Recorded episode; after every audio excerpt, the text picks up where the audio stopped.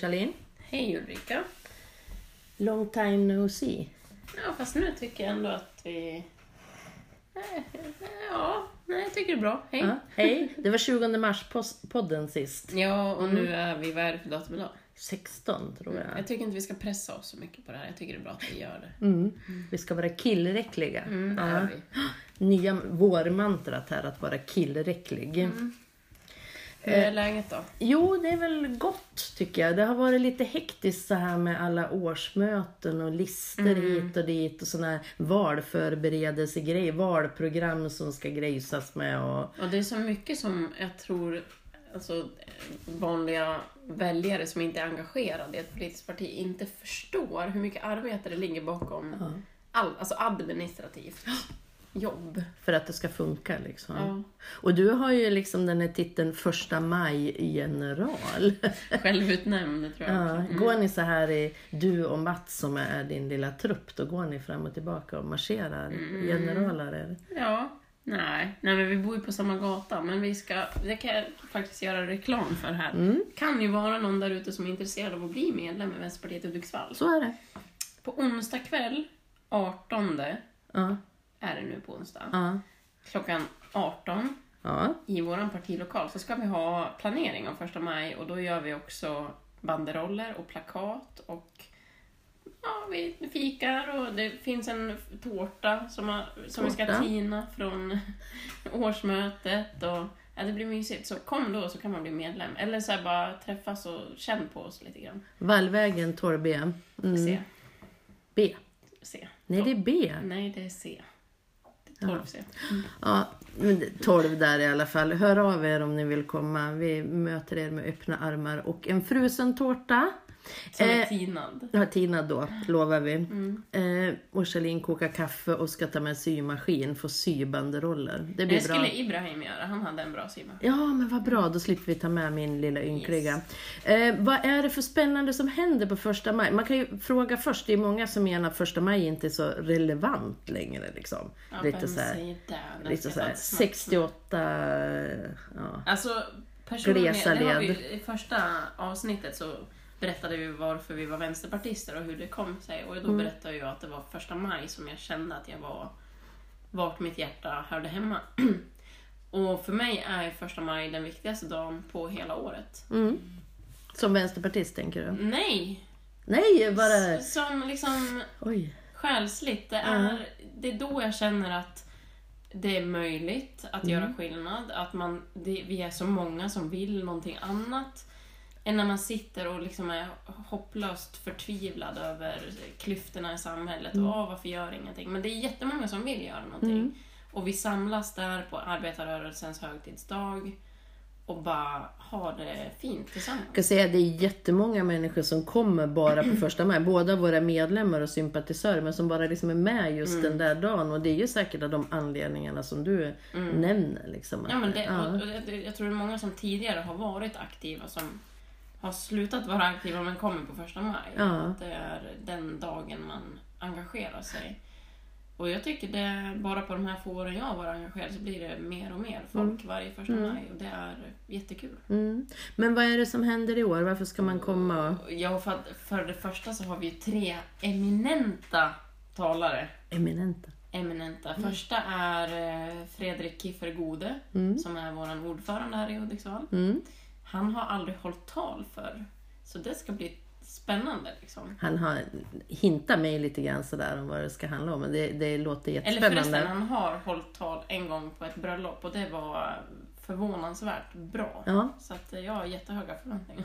ja, men det har jag också efter att ha fått en liten hint där om innehållet. Så det blir Sen bra. har vi ju en kvinna som är eh, upcoming kan man säga här i kommunpolitiken. Ulrika Högberg. Ah, the one and only. Rising star. Vad ska du prata om? Ehm, ja, då har jag berättat lite grann för Fredrik. Eller jag liksom känner ju på det där. Det kan ju ändras fram och tillbaka. Men, men någonting om klyftor blir det. Mm. Som jag är jättebekymrad över. Jag tror det är det största, största hotet mot, eh, mot demokratin egentligen. tror jag. Mm. Och, och mot det samhälle som, som vi vill ha och som ett samhälle för alla. Så, mm. Men sen har vi också en person som inte är vänsterpartist, Mm. alltså inte medlem här i Hudik, utan han eh, är eh, journalist, Mm. aktivist. Mm. Svante Tidholm Mm. heter han. Känner du till honom? Jag har faktiskt sett en, en jättebra dokumentär som han har gjort. vad heter Eh, eh, jag kommer inte riktigt ihåg men det var om, på en, ja, precis, det där på en bordell i, Ja, i det, Tyskland. just Eh, som, Som en pascha. Ja. Mm. ja, som chockerar mig ganska kraftigt hur, hur kommersialiserad sexhandeln är och, och hur öppet det sker och verkligt chockerande. Anledningen att vi har valt att få hit honom, eller vill ha hit honom, är ju för att han är projektledare, tror jag, för Fatta man. Mm. Fatta är en organisation som kom till eh, efter eh, en våldtäkt i Umeå så samlades massa eh, feminister och skapade en organisation för samtycke. Mm, Att- samtyckeslag. Samtyckeslag, att man, alltså ett eh, nej är alltid ett nej. Ja.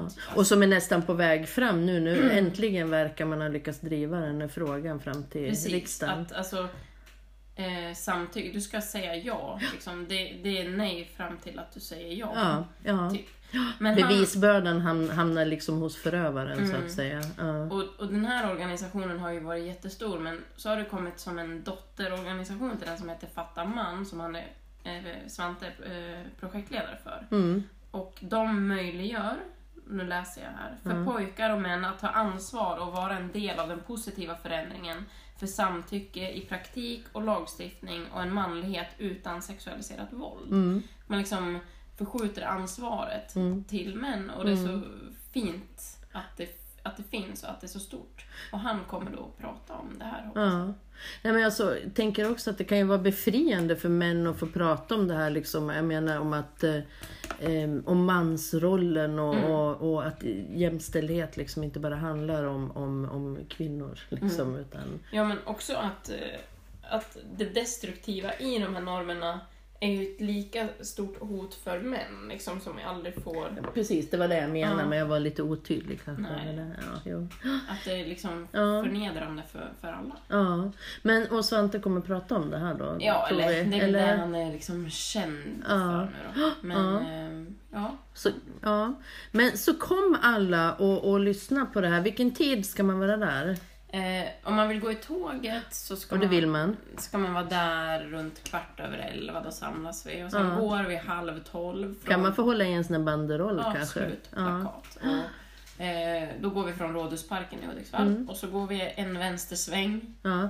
Vi tar bara vänster, eh, tror jag. Eh, och så Börjar talen vid ha, klockan tolv. Klockan 12. Mm. Senast klockan 12 ska man befinna sig utanför. eh, Och sen efter Biblioteket. talen så är det fika slash mat och mys med underhållning av Zeitzel. Ja. Jag hoppas att jag sa rätt där. Men Lättare förtäring. klezmerband. Ja, de var där förra året också. Det var väldigt... Nej. Det var delar av band. Delar av bandet var där förra året. Nu är hela bandet här. Mm. Ja. Eh, så be there or be square, Borgare. som vi säger. Be there or be borgare. Ja, be there och be borgare.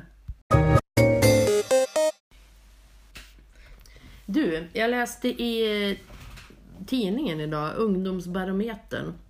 Ungdomar 15 till 24 år kollar de vad de tycker är sån här trendgrej som väl företagen betalar för. Men Mm. i alla fall, vad jag tyckte var en ganska intressant siffra. Det var 30% av alla ungdomar med 15 till 24 år identifierar sig som vegetarianer. Ja, alltså jag blir ju så glad när jag hör dem. De äter kött ibland men, men eh, inte så ofta. Ja.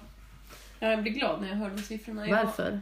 Ja, men för att jag, när jag var ungdom, Då? För jättelänge sedan. för jättelänge sedan, nej, men jag var i den där eh, i nedersta delen av de där åldrarna, vad var det? Från 15 till 24. när jag var 14 år, då blev jag vegetarian. Mm. Och då var jag ganska ensam. Mm. Då kanske det var 0,1 procent som identifierade sig. Mm. Och, idag, och då var det väldigt svårt att bli vegetarian för att Mm. det var svårt att äta ute, det var jobbigt för alla omkring mig och det var en kamp, jag skulle förklara mig och idag är det liksom helt naturligt.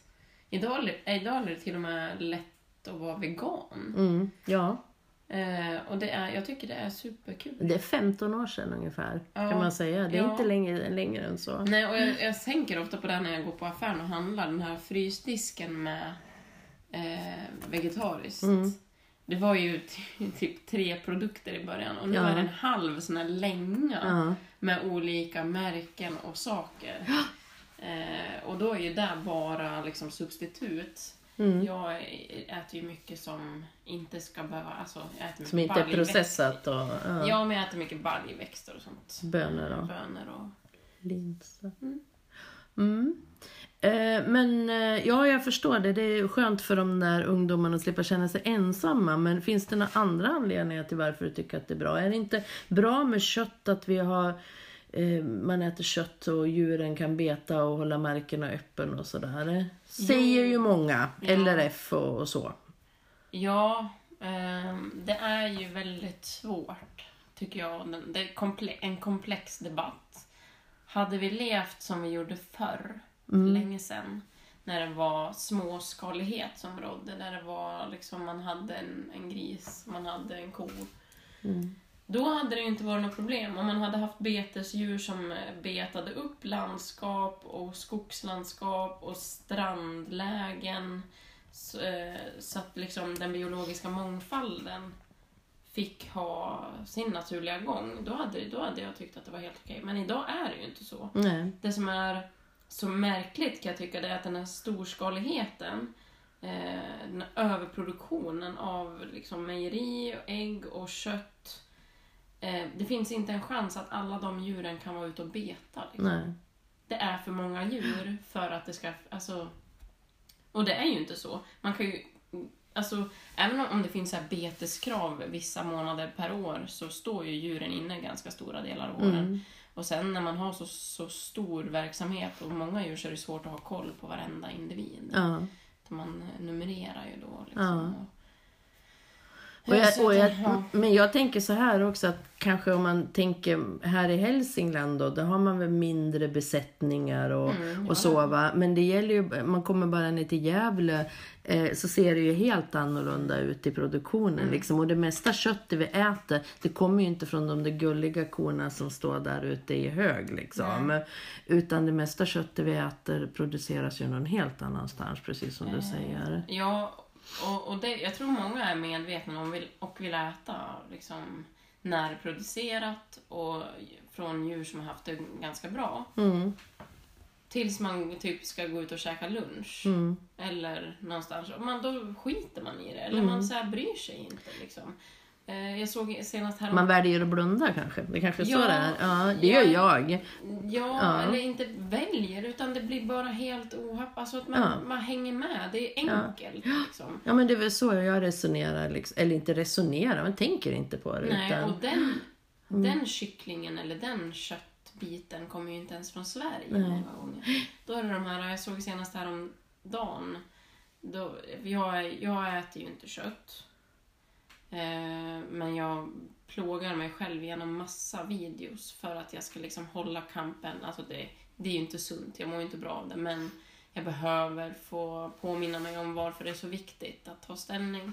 Och då var det någon som hade lyckats filma från en, eh, ett lastfartyg med djur, slaktdjur, då är de ledband då, från Australien. mm, alltså, bara fotografier så jag är Eh, det. Och det, det har jag aldrig dokumenterat innan. Och det är eh, så vidrigt. Mm. Och jag blir så jävla ledsen, förlåt att jag svär, men det här, det här är nog det här är ju det som har fått mig att engagera mig från första början när jag var Mm. jätteliten. Och jag kan inte förstå att vi inte kan bättre 2018. Vi behöver ju inte göra på det här viset. Nej. Så då är det djur som står, de klättrar på varandra, det är varmt, det är flera dagar, de liksom överhettas till döds. Mm. Och ligger där i sina egna spyor och avföringar och dör. Mm. Och, och då slänger man dem över bord, liksom, om man ens ser dem. Det är inte ens folk där. Liksom, det, ja, det är så hemskt. Mm. En, en absurd hantering. Ja. Och, och som sagt väldigt, väldigt långt från, från liksom den, ja, den annorlunda djurhantering som vi ser närmast omkring oss. Mm. Eh, men som, som du säger, det är väldigt liten del som de flesta av oss eh, äter och köper kött som kommer ifrån det närproducerade. Utan mycket kommer ju från det här. Och särskilt då i halvfabrikat och, och, Mm. och så. Ja, men också är det så många som in, ingen vill se för att det är så jobbigt. Det är vidrigt, Mm. men man kan ändå äta det. Man kan liksom... Och jag tycker ju det är fel också att man ska lägga så mycket på individen och konsumenten. Alltså det är svårt att vara en bra konsument idag när det finns så himla mycket att välja på. Och man har inte koll vart någonting kommer ifrån. Det gäller ju allt. Men jag tänker så här, när jag växte upp då, som är lite längre sedan du växte upp, så åt vi mycket, mycket mindre kött. Man tror ju kanske att det skulle vara tvärtom. Eh, men så är det ju inte, för kött var någonting som var jättedyrt.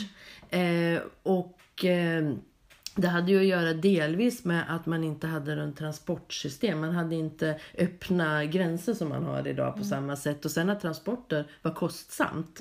Men det är ju så att transporter är ju alldeles för billiga. Eh, det är också en av orsakerna eh, till att den här jättestora produktionen är möjlig. Jag såg bilder också från USA från en sån här kofarm liksom. Där de går som, som höns ungefär i en hönsgård var korna. Ja, och det är ju lätt för oss att sitta och slänga skit på andra länder. Men jag tycker också att vi, vi har ju en ganska stor produktion i Sverige också. Sen, sen har ju vi mycket bättre djurskyddslagar, men jag vet inte om det är rättfärdigat ändå. Vi har ju senast för något år sedan, om det var förra året, så ville ju något, om det var SLU, som ville göra något så forskningsprojekt om att man skulle fixera suggor. Ehm, För att när suggor får kultingar så är det många som dör. Och fixerar man suggan så hon bara kan ligga ner och inte röra sig, då dör inte kultingarna vilket gör att då ekonom- det är ekonomiskt fördelaktigt. De kan lägga sig på dem eller? Är det Ja, därför alltså- de kan dö eller? Ja, precis. Ja, mm. det, det händer ju. Det är Ja. ju naturligt. Liksom. De får ju ganska många kultingar också. Men när de fixeras, då ligger de. De har en, liksom en stål, eh, ett stålrör som, så de inte kan resa sig. De ligger på sidan hela tiden. Liksom. I Sverige. Mm. Ja. Och jag tänker också på um, fågelhanteringen, alltså kyckling som ju är en sån jättevanlig eh, och som jag tror många äter. Äter man inget annat kött så äter man i alla fall kyckling. Men kycklinghanteringen det är ju en riktigt obehaglig Ja, historia. Och det där är också eh, komplext tycker jag för att mm, typ som WWF, eh, Världsnatur... Eller vad heter de? World, ja. Eh, den här Panda-föreningen. De, de har ju gått ut med en sån här klimatguide, vilket kött du ska äta som är bäst för miljön. Och då säger de ju att nöt är sämst och att kyckling är bäst. Men om man tänker djurskyddsmässigt så är ju nötdjuren har ju, alltså det är lättare De har bättre skydd än... Ja, eller det, alltså som eh, kyckling och höns, de hanterar man inte ens som individer utan det är liksom, alltså det är så långt ifrån försvarbart. Så, och, men de förespråkar ju då att man ska äta det här för ur klimatsynpunkt så släpper den produktionen ut mycket mindre. Ja, Men jag tycker att det, alltså man, man måste ju väga in många delar i det. ja, Nu låter ju det här ganska hopplöst. ja. Men jag, jag vill säga att det är positivt. Det är mycket lättare att vara vegetarian idag. ja. Eh, men det är också... Sen 90-talet så äter vi, som du sa, att vi åt mycket mindre kött förr. Sen 90-talet så, så äter vi 40% mer kött idag.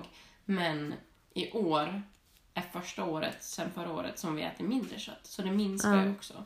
Folk, Det är de tror- här ungdomarna säkert som Ja, och sen märks. tror jag att vi måste prata om det här för Ja. att man ska kunna ta ställning. För att gör man inte det, där, blundar man vill inte se, så Mm. upprätthåller man ju det här. Liksom. Ja, och jag, men jag tänker också att om man vill se en, en, eh, en omställning. Jag tänker mig att bönder, jag vill gärna se bönder i, i Sverige och, och vi behöver ha en bättre matförsörjning i Sverige än vad vi har. Det är sjukt att vi ska importera så mycket grönsaker till exempel som Ja, vi gör. Men att kanske att man i förlängningen, att det, det här kan liksom ökade eh, icke-köttätande kan liksom göra det lättare för bönderna att göra en omställning från animalisk produktion eh, och över till vegetabilisk produktion då, tänker jag. Det, tyck, det tycker jag mig se nu också. Att man Ja, eh, går, det, för det har ju exploderat med växtbaserad mjölk till exempel. ja, Olika sorter som nu också många organisationer börjar förespråka att man ska ställa om till att odla mer spannmål. Liksom. ja. Mm. Ja, eh, pre- precis. Det tyckte jag var intressant. Men sen är det ju också så här att ehm, eh, varför man, man inte åt kött, det var liksom som, man såg det som en livsstilsmarkör. Att det var någon slags identifikation om vem man var. Liksom. Det här, du är vad du äter. Eh, vad, tänker du om, vad tänker du om det? Att man, Ja, alltså det är ju, det är ju, ja så kan det nog vara. Det är ju säkert. Det var ju inte därför jag valde, utan det var ju av de här anledningarna att jag... Eh, det finns en bok som heter Varför vi älskar hundar, äter grisar och klär oss i kor. Mm. Något sånt heter Ja. Och den tar upp de här... eh, För vi kan ju fn- fnysa åt Asien där man äter hundar till exempel. Eller marsvin. Eller ja. marsvin. Och så här, vi rynkar på näsan när man ska äta insekter, men vi kan äta räkor. Mm. Det, är, ju, eh, det är en sån psykologisk eh, grej mm, som jag tycker är väldigt fascinerande. Ja. Grisar har ju ett högre eh, IQ än hundar till exempel. Men det är helt naturligt för oss Ja. att äta. Men det är som min man till exempel som håller på mycket med hästar. Han, han vill absolut inte äta hästkött men jag kan informera er, många av er kanske hästälskare, att hästkött är ganska mycket korvar till exempel. Kolla ingredienserna om ni vill undvika häst. Mm. Ja, men, och det där tycker jag är väldigt så här, märkligt. När jag, jag, under min tid när jag pluggade i Göteborg så hade jag praktik på Nordens Ark som är ungefär som Järvsö här. Mm. Och då fick man in hästar, utdömda hästar som man skulle ge som mat till tigrarna. Och jag var den enda vegetarianen och jag var den enda som ville stycka hästen. Ja, ja. Och det, jag fattar inte den grejen. Men stycka liksom. hästen skulle jag nog kunna göra och mata djuren men jag vet inte om jag skulle vilja äta den själv så att säga. Nej, men um, jag lever ju under den här grejen. Jag, jag ska kunna döda det jag äter. mm. Och Du är känns- jägare. Ja, fast jag känner ju också att jag inte klarar av det och därför Nej. äter jag inte. Nej. Äter jag inte köttet och så producerat kött. Nej. Men du kan skjuta ett djur? Nej, eller inte? Ja, alltså jag har ju jägarexamen, Ja. men jag har inte skjutit, skjutit ett något djur än. Nej. Och som du säger också, det behövs ju inte på samma sätt som... som Alltså att jag tog jägarexamen är ju, jag tänkte kanske att jag skulle göra men det var främst för att jag ville som biolog lära mig det jägare får lära sig Mm. om ett ingrepp i ekosystemet. ja, Eh, På en bok på 300 så var ja. det Det kan vi göra en annan podd om. Vi kan prata om vargar i en annan podcast. Eller nej, ja. Nej, men... ehm, ehm, nej men visst är det så. Men jag tänkte på det här med livsstil och så, för jag tänker att det säger någonting. Vi, det, vi lever ju i en tid nu när man ska ha en discipliner, man ska disciplinera sin kropp. Eh, och det tänkte jag vi kunde fortsätta mm, prata lite om. Mm.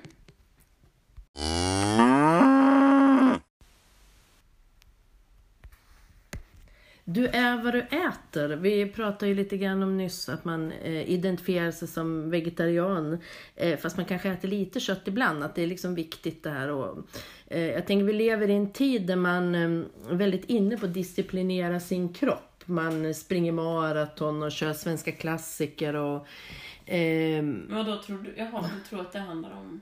De, delvis. ut, Ja. inte bara att se ut utan, utan hur man förhåller sig till sin kropp. Att man inte liksom ska sväva ut i vällustigheter utan att man ger sin kropp nyttigheter. Va? Att man, jag ser ju i många sådana diskussionsforum att man, man har ansvar för vad man äter. Man har an, för att många människor har en uppfattning till exempel att man, man kan få cancer eh, om man äter viss mat eller att man kan slippa cancer om man inte äter viss mat. Då har jag hört välutbildade människor sitta och diskutera på olika ställen. Va?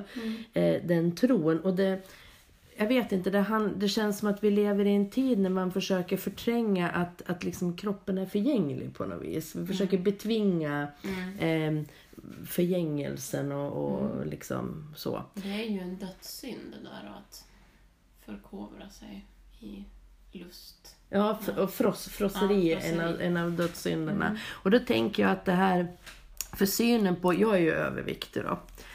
Eh, och eh, alltså synen på oss som är överviktiga är ju, eh, har ju också förändrats den sista, alltså folk kan, kan liksom säga öppet och säga i diskussionsfält och sådär att liksom eh, du får skylla dig själv eller du är fet och äcklig, träna liksom. Det, fat shaming är ju ett, ett faktum.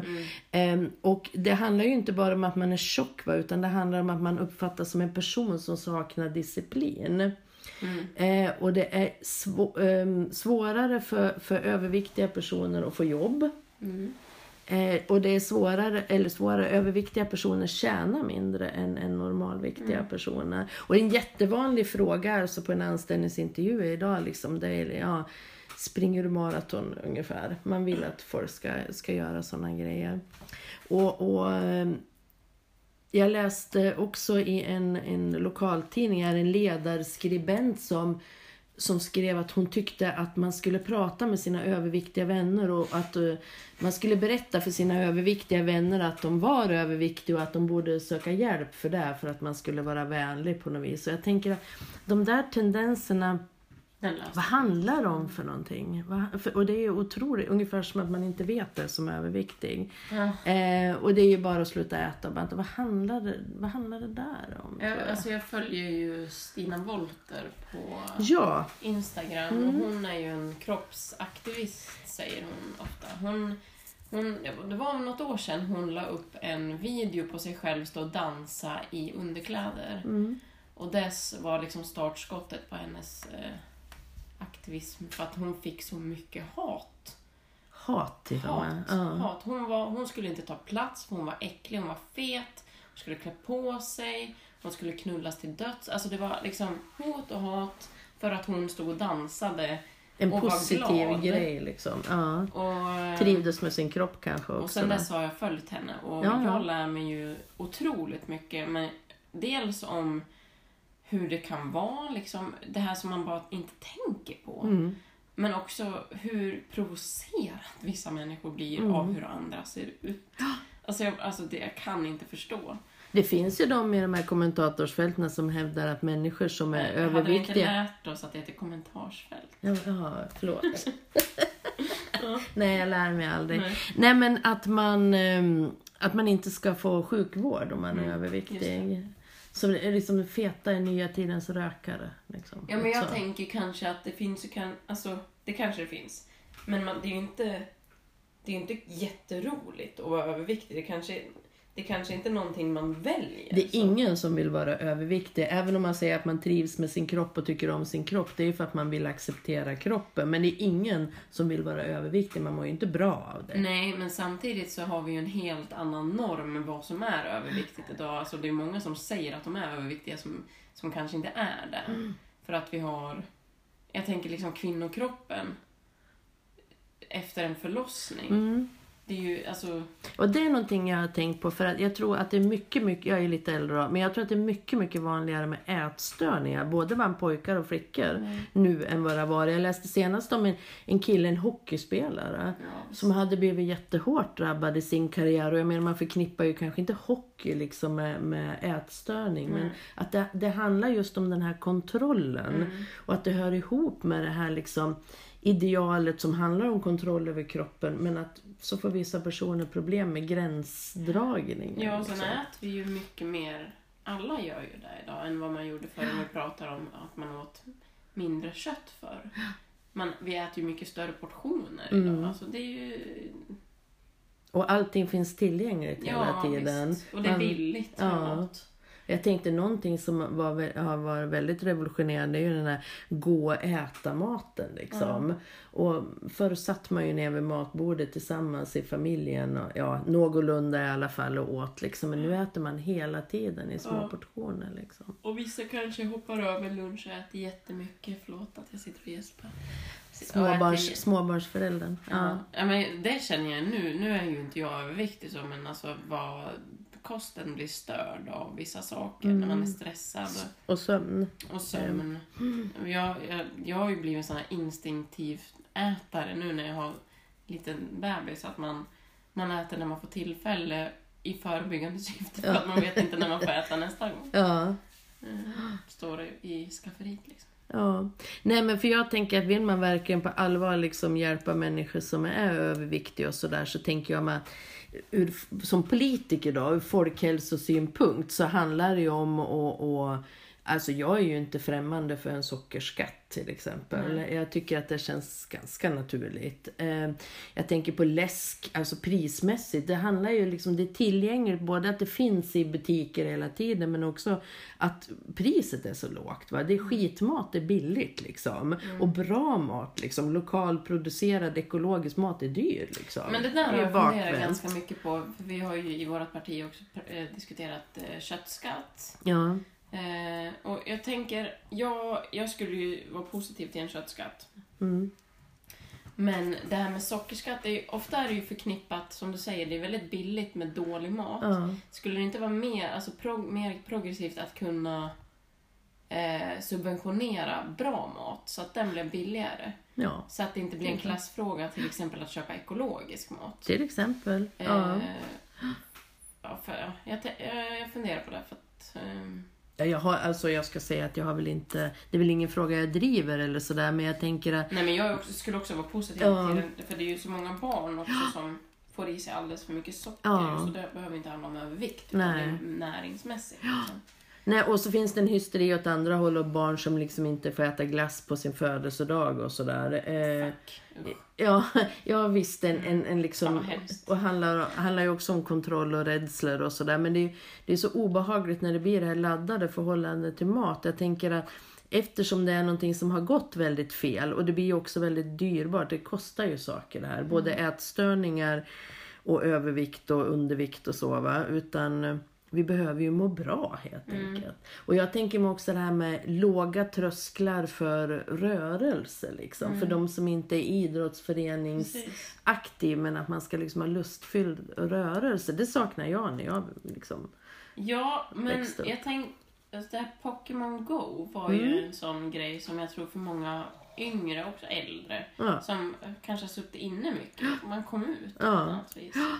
Jag tyckte att det var lite roligt som fågelskådare att helt plötsligt så skulle folk ut och kolla på djur. Ja. Alltså, fast, men det, alltså jag tyckte det var positivt. Ja, Nej, men jag tänker kanske mer också även idrott, fotboll. Alltså när, man, när vi var små då spelade man ju liksom spontan fotboll Ja, och så på ett annat sätt. Det, allt är ju väldigt organiserat nu så det tänker jag också är en sån sak. Men jag tror att det är eh, jag tror att maten och ätande är liksom en sån här folkhälsofråga som man verkligen måste ta på allvar. Liksom. Eh, På många, många plan. Men jag, det innebär inte att jag tycker att man ska prata med sin kompis och berätta att de är överviktiga. Nej, För det vet vi. märklig sak. Ja, mycket märklig. Ja, detta om detta.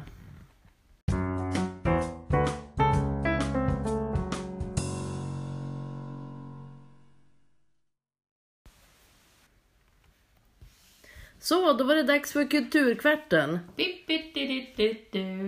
Eller Kulturtipset som jag måste kalla det för, för det får inte bli för långt, säger Charlene. Veckans tips. Veck- Veckans, ska jag börja? Mm.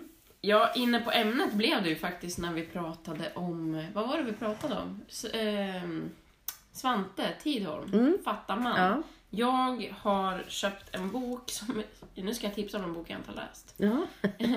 En bok, jag köpte den till min man och till Mm. min bror som heter Allt vi inte pratar om. En bok för alla killar och män av Tor Rutgersson och Ida Östensson. Ida Östensson, jobbar hon, visst jobbar hon ihop med Svante Tidholm en del? Ja, hon är ju, jobbar ju i, hon var ju med och startade Fatta. Hon okej. jobbar ju på en organisation nu som heter Make Equal. Mm. Eh, och den här boken tar upp liksom, tror jag eftersom jag inte har läst den, allting som män inte pratar om. Och så är det i slutet, det är en massa intervjuer med massa olika personer. Och i slutet så finns det extra tips till alla män som vill bli mer jämställda. Jag kan ju ta ett exempel då. Liten sneak peek. Ehm, nummer sju. Ring dina föräldrar lika ofta som dina systrar ringer dem. Ehm, Visst är det så vad det, att det liksom oftast är kvinnornas uppgift i familjen att hålla reda liksom på bådas födelsedagar och kusiner och när någon dör och skicka blommor. Och ja, men det här det är liksom, Mm. smörjmedlet i familjen, det här som, den goda stämningen som, ja, som, all, som ofta, eller jämt skulle jag säga, kvinnan tar ansvar ja, för. mm, Ehm, så är det. det blir en utmaning att lära sin son annorlunda. Alltså. Mm, Sitt ner när du kissar, inte bara för att det är bra för prostatan utan också för att det är trevligt för de som kommer efter dig. mm. Börja läsa och lyssna på böcker, poddar och musik av tjejer och kvinnor. Ja, det är lite tips. Jag tror... Det var ju inga jätte så här, svåra utmaningar heller, Nej, nej, nej, det- uppoffringar liksom. Det är en trevlig bok. Ja. Med tips och, och berättelser. Vet jag undrar om det inte var hon Ida Östensson som, som eller ja, jag kommer inte ihåg vem det var. Men de pratade i alla fall eh, om det här med hur män, hur lite kompisar de har. Eh, eller de har kompisar men de hade frågat en massa män. Och det var jättemånga som inte kände att de hade någon att prata med om sina innersta känslor. Det Och är jag tänkte, vad sorgligt. Ja, och lite, lite där man tar upp liksom. Ja.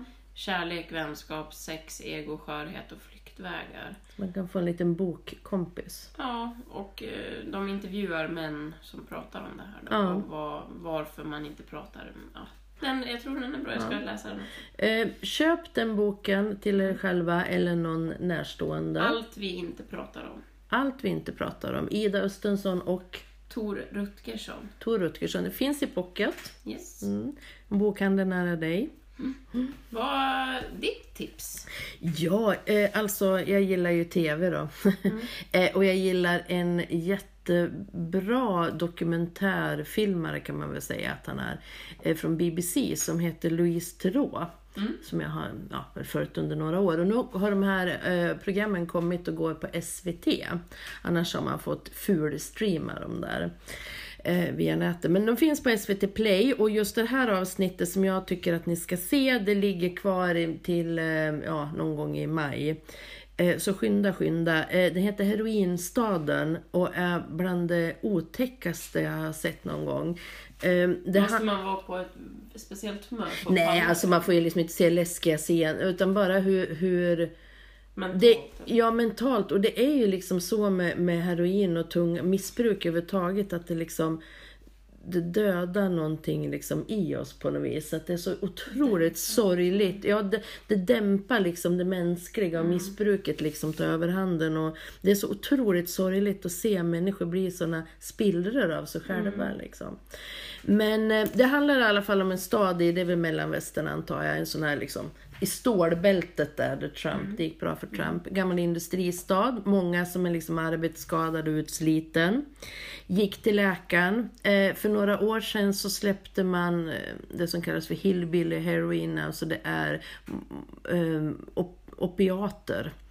Eh, syntetiska opiater eh, slags heroin kan man säga. Som man förskrev som vanliga värktabletter liksom.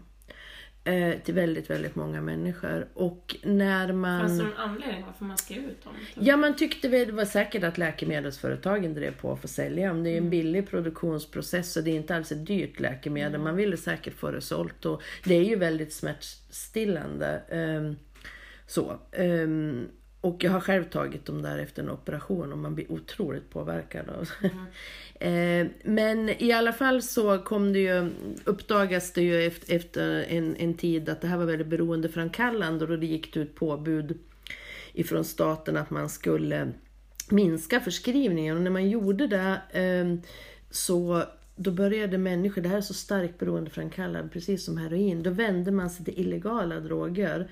Och eftersom det fanns en efterfrågan, ja då uppstod det en marknad. Så det är liksom typ en tredjedel av befolkningen i den här staden är heroinmissbrukare. Var tionde barn som föds är beroende av heroin. Ja, det, och de lyckas inte avvänja alla heller då.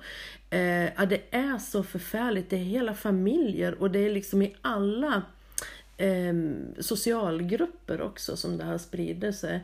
Eh, och det här är eh, de kallar det faktiskt för en epidemi. Eh, Det är en otrolig mängd, en drogepidemi. Jag tror till och med vad heter det, att presidenten, den otäcke där, har eh, fram, eller utropat någon slags undantags ja, tillstånd eller liksom sådär med anledning av det här, det jättestora stegringen i överdoser som man tar där. För det är skit de, de tar också då, som de köper.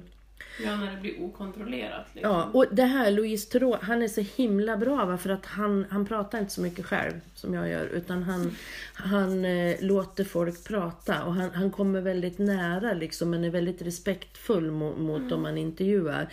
Så att det blir, man känner sig lite grann som att man är där själv och det är en väldigt eh, rysansvärd upplevelse på många sätt. Och jag tänker att det väcker många frågor om narkotikapolitik och, och legal förskrivning och, och, och, liksom, och hur vi eh, vilken relation vi har till narkotika liksom, i, i Sverige och sådär. Eh, och hur vi jobbar för att det inte ska bli så här i det här landet. Eh, rätt eller fel. Så den tycker jag att man ska se. Skynda sig att se innan den Bra tips. Mm. Det ska jag se. Alltså, jag har hört om det. Men Ja, sen vill jag avsluta också med, om ni hör det här före den eh, 22 april klockan 15, skynda skynda ner på Trädgårdsgatan i Hudiksvall. Då blir det musikcafé eh, med nya Lyxorkestern, eh, kommunalrådet på dragspel, eh, lite diverse andra vänsterpartister. Som... Men det är också öppen scen, så ta med ett Ja, instrument. Öppen scen, ja, eller spoken word går också Ah. bra. Eh, temat är musikens makt, alltså musik som kan påverka, förändra, protestsånger och lite punk och sånt där. Kom och riva av någon Ebba Grön-låt liksom. Så, gratis fika mellan 15 och 17 den 22. IOGT-lokalen. IOGT-lokalen, Trädgårdsgatan. Eh, kolla på Facebook, Vänsterpartiet Hudiksvall. All info finns där.